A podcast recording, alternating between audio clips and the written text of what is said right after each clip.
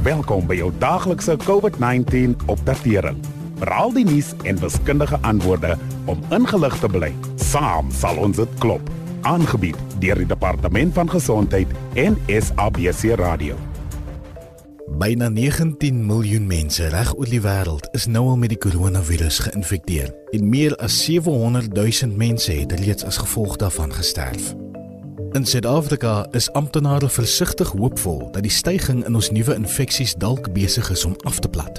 Maar nadat gemiddeld byna 10 mense verlede week elke uur gesterf het, moet die maatreëls van die inperkingstyd nie laat vaar word nie, het die minister van gesondheid Dr. Zweli Mkhize gister gesê. Ons sterftekoers kon baie erger gewees het.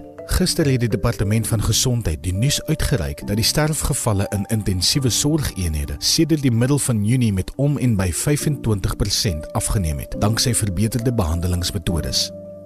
Hoewel dit lyk asof ons gesondheidsorgstelsel daarin slaag om die toename in infeksies te hanteer, en ons goed vaar daarmee om die aantal COVID-verwante sterftes te verminder, is dit belangrik dat ons ook op iets anders moet fokus om die finansiële hulp aan diegene wat die swaarste deur die huidige ekonomiese nood geraak word, te versterk.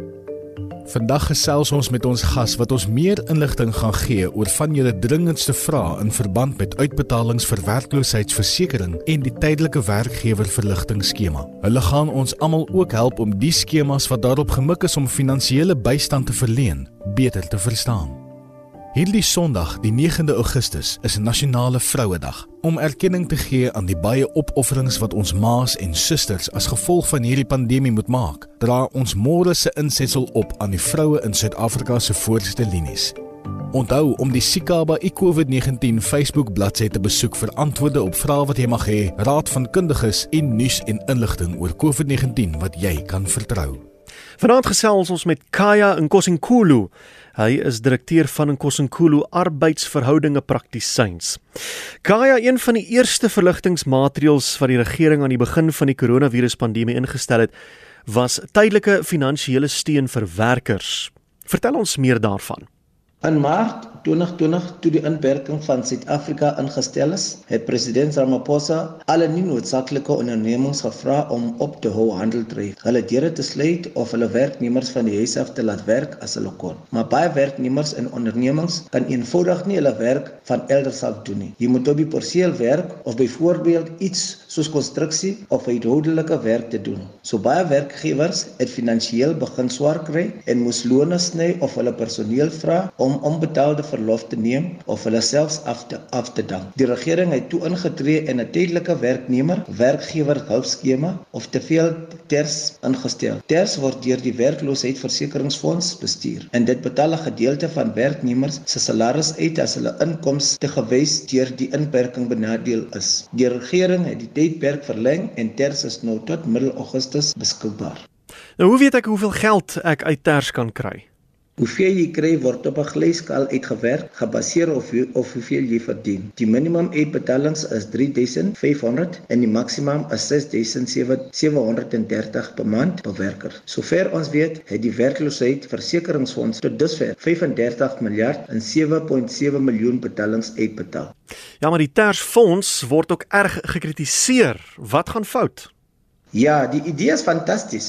Ons land sukkel reeds met werkloosheid en armoede. So ons het ons het al die ondersteuning nodig wat ons kan kry. Ek gee graag vir die regering erkenning daarvoor. Maar dit is ook waar dat daar vertragings en mislukkings in die bestuur van hierdie proses deur die werkloosheidsversekeringsfonds was. Navorsing deur die Nasionale Werkgewersvereniging van Suid-Afrika het bevind dat slegs 1 uit 10 maatskappye teen 21 Julie nog nie hulle TERS betalings gekry het, maar uit die ondernemings wat wel geld gekry het, is minder as 7 uit 10, 68% ten volle betaal. Mense sê ook dat die fonds nie op klagtes reageer nie en dat dit moeilik is om iemand in die hande te kry om antwoorde te gee. Maar hulle kant van hulle kant af het die fonds sommige werkgewers blameer dat hulle nie die regte prosedures volg en nie die regte inligting gee nie. En daar was ook berigte oor werkgewers wat valse eise ingedien het en selfs geëis geëis het vir personeel wat lankal dood is. Die goeie nuus is dat die fonds begin inhaal op die agterstand en dat betalings beter begine vloei. Waarheen kan ek gaan as ek hulp nodig het of vir ters wil aansoek doen? As jy deel van jou inkomste verloor het, en jy of jou werkgewer vir ondersteuning wil aansoek doen, raai ek jou aan om dit so gou as moontlik te doen. Onthou, dis net 'n tydelike maatreël en daar sprake daarvan dat daar binnekort 'n afsluitingdatum vir teruggedateerde nuwe aansoeke ingestel gaan word. Besoek maar nou so gou as moontlik die werkloosheid versekeringsfonds se afdeling op die departement van arbeid se webwerf by u